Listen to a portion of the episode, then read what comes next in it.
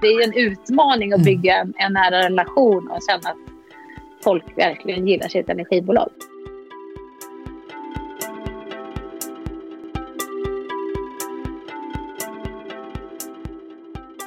Hej och varmt välkomna till avsnitt 27 av podden Framtidskraft. Jag heter Karin Bodén. Och jag heter Daniel Löfstedt. I det här avsnittet så kliver vi utanför energibranschen och så möter vi Sveriges nya flaggskepp när det gäller digitalisering. Det är ett bolag som utmanar både BankID och Swish. Mm, det är Kivra. Och vi ska möta Kivras VD Anna Bäck som har en väldigt spännande bakgrund tycker vi. Hon eh, har bland annat eh, jobbat i telekom och det bolaget Glocalnet hon pratar kinesiska och har också arbetat i sex år i Kina med innovation och digitalisering för lite olika bolag. Mm. Totalt har hon 20 år av digitalisering och innovation bakom sig. Och så brinner hon för att utforska vad människor behöver och vad teknik sen kan ge och där då hitta de här hållbara lösningarna.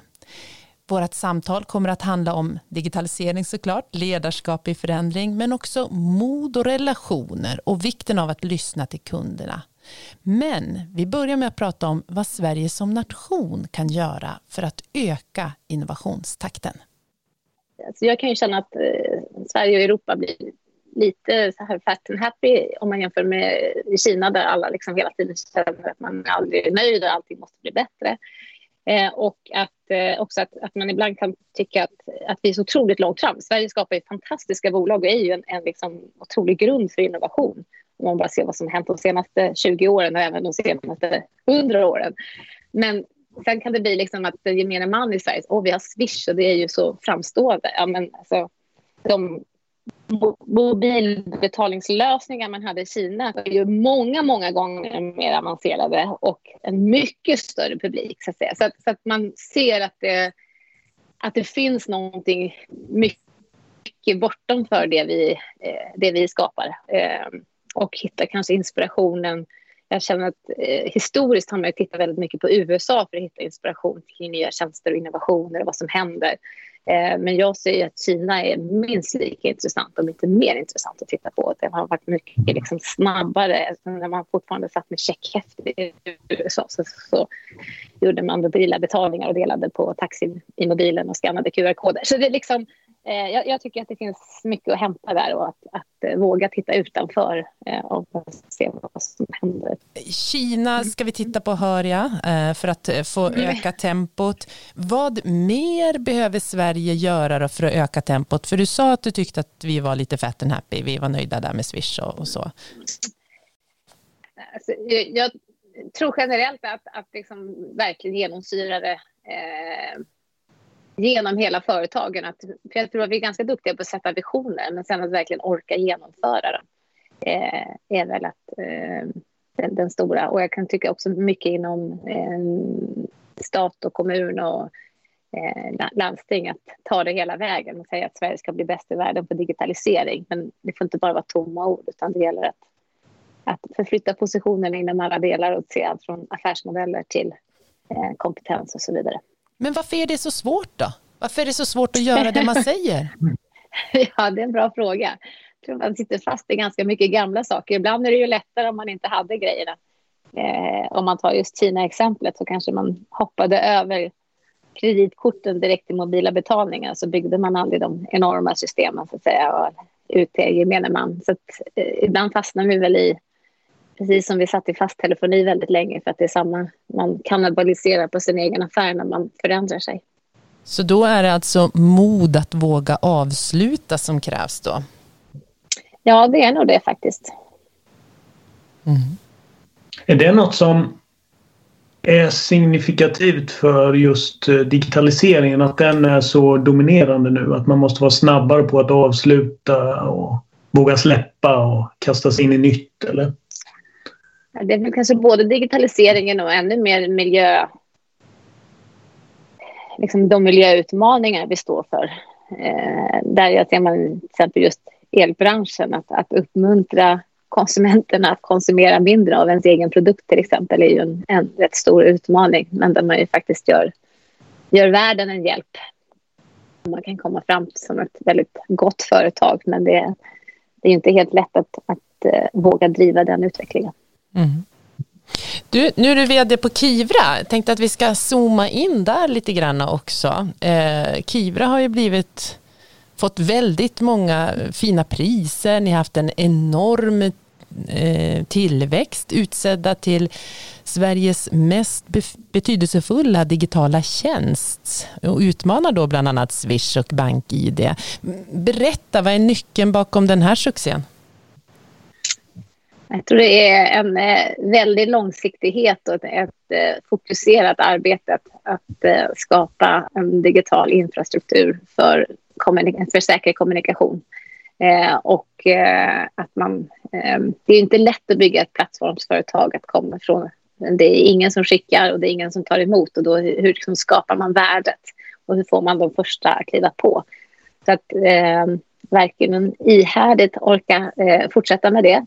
Eh, men också att se över hela liksom, ekosystemet. Vi jobbar väldigt mycket med vad vi säger happy happy lösning, att man ska hitta eh, någonting som är så att säga ännu mer en win-win, att man ska hitta lösningar som eh, hjälper alla och som får med sig både så att säga det gamla ekosystemet med eh, printpartners och så vidare och eh, in i det digitala och att alla ska ha en plats i värdekedjan. Hur gjorde ni då när ni skapade värdet?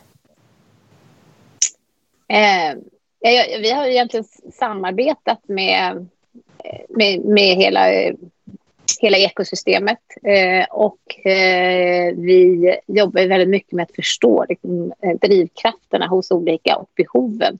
Både hos konsumenter att vi måste vara riktigt, riktigt relevanta hos konsumenten och medborgaren för att ha en tjänst man vill ha. Eh, och eh, samtidigt måste vi vara riktigt, riktigt relevanta som kommunikationskanal för alla de som skickar eh, information till sina konsumenter och att det inte, vi är mer liksom plattformen än att vi inte tar över som varumärke. Vi skapar liksom nya lösningar till exempel för eh, att man kan komma rakt in på eh, företagens hemsida genom klickbara länkar på eh, posten till, till, exempel. Och det är många företag som... Men det finns ju hela tiden en, en, en balans mellan mina sidor, att man vill ha sina konsumenter, sina kunder hos sig själv eller eh, vara där konsumenten är, så att säga. Mm. Det finns ju inget värde att lägga upp på mina sidor om ingen någonsin är där. Så då har vi hittat lösningar där man kan få en avisering i Kivra, men man kan klicka sig tillbaka till mina sidor eh, med en så kallad single sign-on, att man är bakom BankID hela tiden. Mm. För ni har valt en medelväg där kan man säga genom att ni inte heller bara en white label ligger bakom. Vi vet ju ändå vilka Kivra är. Ja, absolut. Ja, och det har ju varit för att, för att det ska vara... Vi måste ju ha en trovärdighet i oss som varumärke för att man ska vilja ha all sin viktiga post där. Så därför har det känts viktigt att liksom lyfta fram Kivra som varumärke också. Och sen att det är tydligt att just att man får allting där. Kivra levererar ju en produkt som inte tidigare har funnits. Hur hittade ni liksom eh, kunderna? Vad, vad lärde ni er om kunderna innan ni lanserade det här och vad lär ni er successivt av kunderna för att hela tiden vara relevanta som du säger? Ja, det kom liksom, idén Kivra kom från några olika håll och var faktiskt ett par företag som, som hade liknande idéer som, som gick samman med tiden. Eh, och en stark idé var, var Eh, miljöperspektivet. Eh, och den kom Stefan Krook väldigt mycket med, in med. Att eh, det måste vara idiotiskt att liksom hugga ner träd, lägga energi på att pressa dem till papper, printa på dem och så skicka ut de här papperna med transporter till människors hem där de sen till ganska stor del lägger dem i återvinningen eller då kuverten som man inte ens kan återvinna lägger i soporna. Och sen har man dessutom oordning hemma. Så man såg liksom ett eh, oordning på sina viktiga papper hemma. Så man såg liksom ett, ett, konsumentbehov och ett miljöbehov som borde gå hand i hand. Eh, och samtidigt så fanns det en, en, lagstiftning kring att man måste skicka ut kreditkopior till alltså en, en eh, omfrågande kopia när någon har tagit en kreditupplysning. Det var inte så tidigare. Mm. Och den skapade en, en väldigt eh, massa pappersutskick för kreditupplysningsföretagen som de inte hade behövt ha tidigare. Så där eh, så hittade man liksom, så det var en av de stora säga, postflödena från början där man hittade eh, en, en, marknad som behövde få en annan kanal Eh, och eh, samtidigt som den här liksom starka idén kring eh, miljöperspektivet. Och ser man sen just kreditkopiorna så är det ett enormt värde för konsumenten att också få den omgående veta att någon har tagit en kreditupplysning. För där hittar man väldigt mycket av det som idag har blivit ett problem i id-kapningar. Som kanske inte var eh, samma problem då, men hela den lagstiftningen finns ju också till syfte att just eh, förhindra id-kapningar. Så man ser om någon har tagit en någon har försökt köpa ditt namn så får du reda på det omedelbart. Så, så det, det, var en av liksom de stora möjliggörarna, att man hittade liksom flera komponenter som tillsammans skapade en marknad. Men sen var det ju ett, ett stort jobb under många år. Jag är jätteimponerad av de som var här och liksom byggde det från början och, och höll, hade uthålligheten att ta sig igenom åren då, då man liksom adderar en avsändare, alltså en som skickar post i taget och det är liksom några få mm. hundratusen användare. Och idag har vi ja, nästan fyra miljoner konsumenter och det, det är tusen nya som eh, kommer med varje dag nya konsumenter. Alltså. Och sen är det kanske 150 nya avsändare i veckan. Så det är liksom en, en, har ju blivit en kraft i systemet. Som, men också genom väldigt många fina partnerskap med eh, olika aktörer eh, för att få in all den här olika typen av, av innehåll. Så, och det, det fina nu är ju att, att det, ju bättre, ju fler konsumenter som ansluter sig och ju mer företag som ansluter sig, ju bättre blir det ju för både företagen, konsumenterna och miljön vi känner att vår superkraft är verkligen att affärsmodellen är så hållbar att det blir bara positivt i alla delar. Så att säga. Vad kan få det här äh, positivt, det låter som ett momentum ni har igång här nu. Vad, är mm. du, vad ser du är den största risken för att det här eh, bryts? Ja, eh, jag, jag, tror att man måste hela tiden vara på tårna och liksom se till att man eh, innoverar och kommer på med, kommer nya tjänster. Att man ser till att man är fortsatt relevant som kommunikationskanal. Att man, alltså I den digitala miljön så jämför ju konsumenter eh, liksom tjänster över olika branscher väldigt starkt. Liksom alla saker ligger som en app i din telefon. Så det är inte att du jämför din bank med din bank utan du jämför din bank och Kivra med Spotify och andra tjänster. Så att, det, att, att hela tiden eh, se till att en användarupplevelsen är riktigt bra och att man eh, får alla typer av viktiga dokument eh, till Kivra. Så jag tror att det, det är konstant eh, vara på tårna och se till att, att man är bäst i klassen så att säga. Mm, konkurrens, konkurrensen. Men jag tänker en sån här sak som förtroende måste väl vara en nyckelfråga för er också? Ja, det är egentligen, ja, där, där sätter du nog verkligen fingret på. Det ser jag som, ja, det är ju liksom själva grunden att, vi, eh, att det måste vara jättesäkert. Det får ju aldrig hända att, att um, någons post blir åtkomlig för någon annan till exempel, utan att det det är verkligen, eh, du ska kunna ha dina viktiga grejer där och de är, eh, väldigt, i väldigt säkert förvar. Jag tänker när jag hör dig resonera så här så är det, det är digitalt och det gäller så hel, hela tiden vara relevant och, och man jämför inte i bransch utan man jämför över bransch i sin telefon. Eh, och samtidigt då så måste man vara innovativ. Hur, hur lyckas ni att att eh, få ihop det här pusslet, att fortsätta vara relevanta och få en innovation som, som gör att ni eh, fortsätter utvecklas. Har, har ni modeller för det eller hur, hur jobbar ni med innovationen? Eh, ja, vi, vi, har ju jag ska säga, vi har eh, arbetssätt, ska jag kalla det för, mer än för processer. För ibland gör det när man fastnar i processer att man tappar innovationen. Så dels det handlar det mycket om att alla ska förstå eh, båda våra sidor, alltså våra kund, eh, alla delar i ekosystemet. Att man förstår partners, man förstår användare och man förstår avsändare. Eh, och för att komma tillbaka till den här happy happy-modellen som jag nämnde så, så um, brukar vi likna den med en pumpa. Att om man bara säger att man ska dela en pumpa så kanske man delar den mitt i tu. Men om man istället på djupet förstår vad båda parter har tänkt använda pumpan till så kanske den ena har tänkt göra pumpasoppa och den andra har tänkt göra en halloweenlykta. Och då delar man den på ett helt annat sätt. Så att försöka liksom verkligen tänka så och hitta den typen av eh, modeller. Det är jätteviktigt. Så att det måste vara alltid bra för båda sidorna. Det är ju jättelätt att vara innovativ och liksom springa iväg i konsumentledet och tänka ut massa prisjämförelsetjänster och annat. Men då, eh, det eh, gynnar ju inte avsändarna. Så att hitta det sättet eh, och att vi liksom ändå är en ganska lågmäld kanal. Men sen handlar det mycket om att jobba eh, i tvärfunktionella team, eh, att jobba nära konsumenter och nära de som skickar posten, de olika eh, aktörerna på marknaden som skickar. Och det är ju väldigt olika utmaningar i olika branscher att förstå de olika utmaningarna.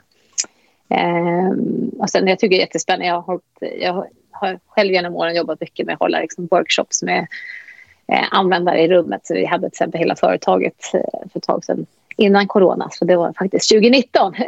Mm. eh, med, med ett antal konsumenter. Man fick sitta i ett så här funktionella team och man får, eh, har en konsument som är med i ens team och eh, liksom på ett eh, eh, strukturellt sätt eh, jobbar med innovationer. Men bara för att alla ska få testa. Sen är det ju i huvudsak vissa grupper som som arbetar närmare användare och avsändare. Men att alla förstår liksom, arbetssättet och förstår att man inte kan dra slutsatser utifrån vad ens egna tankegångar är utan att man måste förstå att olika människor har väldigt olika funderingar och behov. Men sen också finns det ju både liksom ett eh, öppet eh, mer ostrukturerat innovationsarbete i bara förstå vad är folks eh, drömmar eller pain points. Eh, och sen finns det ett mer liksom, strukturerat testförfarande med användare för att förstå exakt hur ska en viss feature se ut. Så att säga. Så det ena är ju att komma på vad det är vi ska göra och det andra är liksom exakt hur ska vi göra det. Men, um, hur vanligt tror du att det är att svenska företag tar in användarna rent fysiskt och pratar, sitter ner och pratar med dem? Eh, jag tror att väldigt många gör det i eh, hur ska det se ut-fasen. Så att man har fått upp liksom ett sätt att jobba eh, med användare i eh, liksom utvecklingsprocessen. Men jag tror inte så många jobbar med det i innovationsdelen. Liksom, vad är det vi ska göra? Eh, så att, liksom att, att verkligen det här öppna upp sinnet. Och framförallt gör man det nog inte så mycket på ledningsnivå utan att det kanske är mer vissa team som gör det i så fall. Jag tycker det är jättespännande när man får liksom att, att alla i företaget får med sig det. Jag jobbade i, när jag jobbade i Shanghai så jobbade jag för eh, GP Industries som är ett av världens största batteriföretag. Och där hade styrelseordföranden var, eh, hade läst en, en innovations och designutbildning i USA eh, i, liksom, som en påbyggnadsgrej. Han var en 65-årig Hongkong-kines. Och han sa att alla i ledningen ska ha varit med på user research, punkt.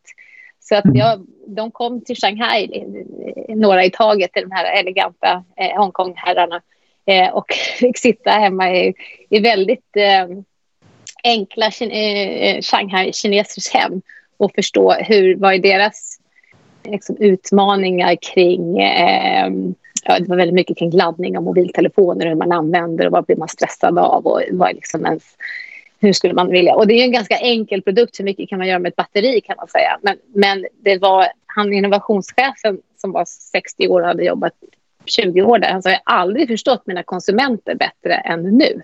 Eh, så det finns någonting i det här. Eh, och, och, det inspirerade mig väldigt mycket också när man har chans då, som styrelseordförande att bestämma att så här ska vi göra. Och jag har ju lite chansen att göra det också som vd och säga att så här ska vi göra. Eh, så jag tror att det, det finns eh, jättestor nytta i det. Och historiskt så pratade man mycket om exempel att Tele2 där satt alla och medlyssnade kundsupportsamtal eh, med viss frekvens. Jag vet att det var liksom snacket i alla fall när jag var i telekom i början av 2000-talet. Och det är ju också jätte, jätte, jättenyttigt att höra att de som ringer har problem. Vad har de för problem? Men de, de som ringer och har problem är kanske inte de som kommer med liksom... Vad, vad, det, det, är inte det sättet du får reda på vad, vad kommer härnäst. Liksom. Då måste du ha ett mer öppet eh, och inte titta så mycket i befintliga produkter. Ert sätt att jobba här med innovationer som du berättar, hur skulle du vilja säga att det, att det präglar Kivra som företag? Ja, ja, ja, jag, vill, ja, men jag tror att det här med att utmana, nya, eh, liksom utmana gamla sanningar och, och, våga tänka nytt och liksom ifrågasätta både det vi gör idag och vad som händer i branscher runt omkring oss. Liksom postväsendet har ju varit 400 år gammalt så som det har sett ut. Eh, ingen skulle ju designa det så idag. Och så kanske försöka orka, våga tänka så kring, kring andra saker i närliggande branscher. Var, varför ser det ut? Man liksom sitter fast i en historia, ett ekosystem, ett sätt att hantera saker. Så om man skulle sätta sig med ett vitt papper så skulle man ju inte göra det på det sättet idag. Så jag hoppas att det inspirerar många att, att, att våga tänka nytt, att komma med idéer Eh, och sen givetvis så liksom, i vardagen så fokuserar man ganska mycket på sin egen ganska smala arbetsuppgift och liksom kötta på med den. Men, men med, med viss frekvens då liksom lyfta blicken och tänka, mm. tänka till. Mm. Apropå gamla företag och uh, sitta fast i gamla saker. Eh, vi kommer ju från energibranschen. Um, vad, vad, vad har du för bild av energibranschen?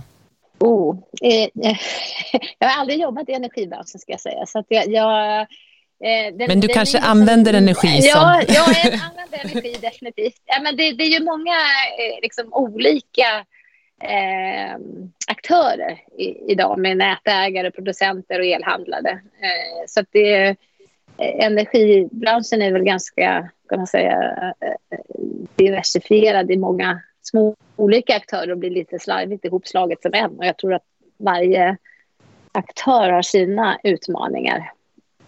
Eh, och mycket utmaningar kring som eh, förnyelsebar energi, eh, hur, lite det som jag var inne på tidigare, hur hittar man eh, sätt att, att hjälpa konsumenter och företag att bli ännu mer energieffektiva och tänka till eh, hur man använder energi, för det inte är en oändlig resurs på det sättet. Eh, och samtidigt så sitter man... Ja, och, och, vissa sitter just fast i enorma infrastrukturinvesteringar och så vidare. Så det beror lite på vilken, vilken del man är i, i kedjan. Mm. Men det är definitivt en branschförändring och ja, digitalisering är en del eh, med ökade digitala kommunikationskanaler och liksom det är ju kanske svårt. Det är ju sån här utility-produkt som är kanske inte jättelätt att knyta stark relation med sin konsument. Det är lite en av de otacksamma branscherna. Så länge det funkar så, så tar alla det för självklart. Och om det inte funkar, att elen en dag inte funkar,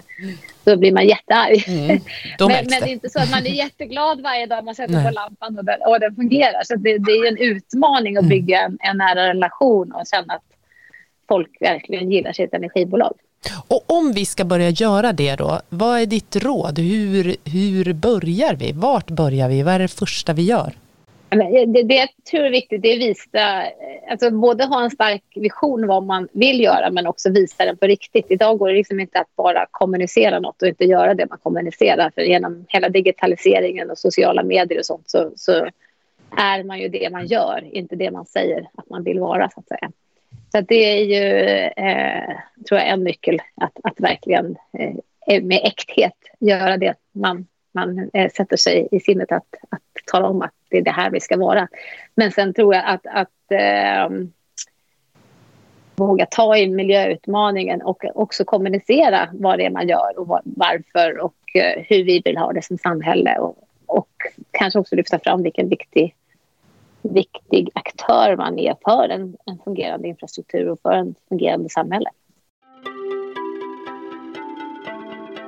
Vi i energibranschen vi står ju i en jätteförändring på många sätt. Det handlar om digitalisering, det handlar om förändrad energiproduktion, det, det handlar om att kunder börjar producera sin egen el. Vad, vad krävs av företag i en förändring för att den ska bli bra? Vad liksom, vilket ledarskap behöver vi? Dels tror jag det krävs väldigt mycket mod att våga eh, driva förändringen, att skapa nya affärsmodeller, att eh, börja samarbeta med nya aktörer, eh, att hitta eh, hur, vad vill vi på riktigt vara om 10-15 år eh, och eh, våga eh, ta sig dit. Eh, och det är ju att inspirera andra eh, inom företaget att göra det, men att, att föregå med, med um, exemplet och visa vägen och också verkligen genomföra vägen. Ehm, och sen tror jag att just det här med förståelsen av, av eh, branscher i form av och vad andra, hur andra branscher eh, influerar eller skapar förväntningar hos dina konsumenter eller företag. Och att många människor är ju både eh, en person på jobbet och en person eh, privat. Så jag brukar säga att många saker måste man ju liksom se hur hela den säga, digitala kontexten till exempel möter människor.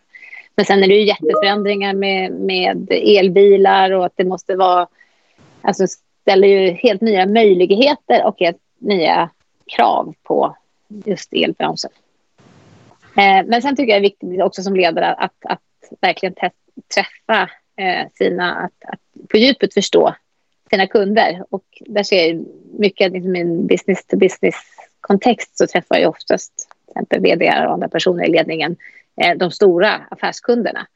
Eh, men konsumenter eh, finns det, tycker jag, en liten överdriven eh, så att säga, tro, tilltro på att man pratar med sina vänner och då träffar man ju konsumenter. Men eh, ens vänner kanske är en väldigt smal del av den kundbas man själv har. Så att på djupet förstå vad de har för behov och, och se och gärna träffa dem in person ibland. vad har det, det för ledarskapet? Just vad det, vad har det för betydelse för ledarskapet, just det mötet? Jag, jag tror att eh, både att, att lite se sanningen i vitögat, hur, hur bra eller dålig ens egen tjänst är om, om man diskuterar den. Eh, men sen också att, att eh, som få en djupare förståelse för, för eh, hur människor tänker och känner och vad är det för typ av varumärken man älskar. Och så vidare. Det är en sak att få saker återberättat och en annan sak att eh, att själv uppleva det. Nu, mm. Anna, är det ju snart jul och ledighet och så. Eh, hur mycket tid kommer du att vara uppkopplad under den tiden? Oh, jag kommer mest åka längdskidor och hänga med min familj. Eh, men eh, jag är säkert uppkopplad en del också. Jag vill önska dig en jättetrevlig ledighet och eh, att du har bra fäste i längdspåret. Och tusen tack för att du var med här i podden Framtidskraft.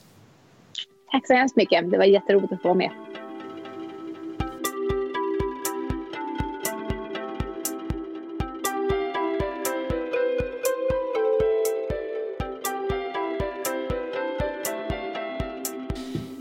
Ja men sådär långt. Anna Bäck, vd för Kivra. Daniel, vad reflekterar du på? Mycket att reflektera på måste jag säga. Så är det ju alltid när man får inspel från en bransch som man inte är så inkörd i. Eh, framförallt så tänkte jag på det här med uthållighet. För när man pratar digitalisering så är det ofta det här att det är relativt billigt att testa. Det går snabbt att gå in och ut i olika projekt och, mm och sådär. Men här har vi verkligen ett levande bevis på att också uthålligheten är fortsatt väldigt viktig. Att man har ägare som tror och håller ut för en bra idé. Mm, ja, absolut. Det är ju en idé som har funnits länge och de har jobbat länge, sju år, för sitt genombrott. Och nu är man där man är och det är ju det hade man ju inte varit om man inte hade haft uthålligheten. Nej, det, det, står emot farten och det här höga, höga tempot och att man ska vara modig och våga förkasta idéer som inte flyger riktigt.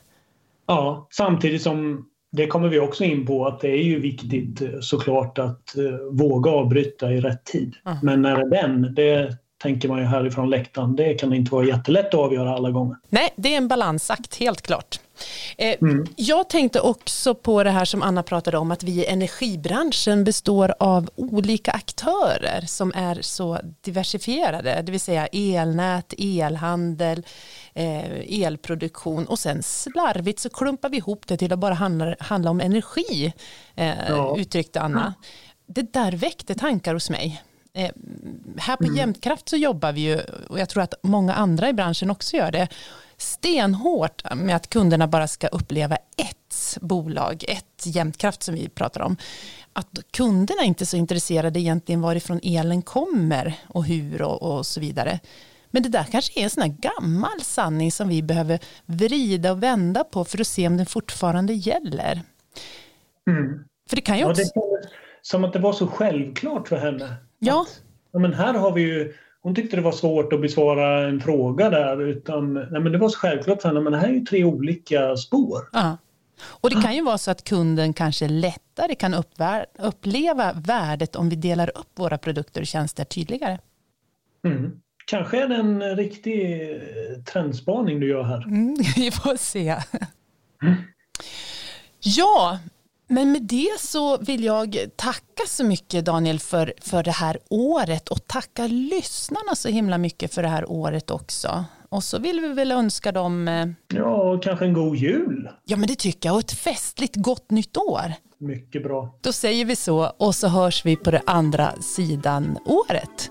God jul! God jul!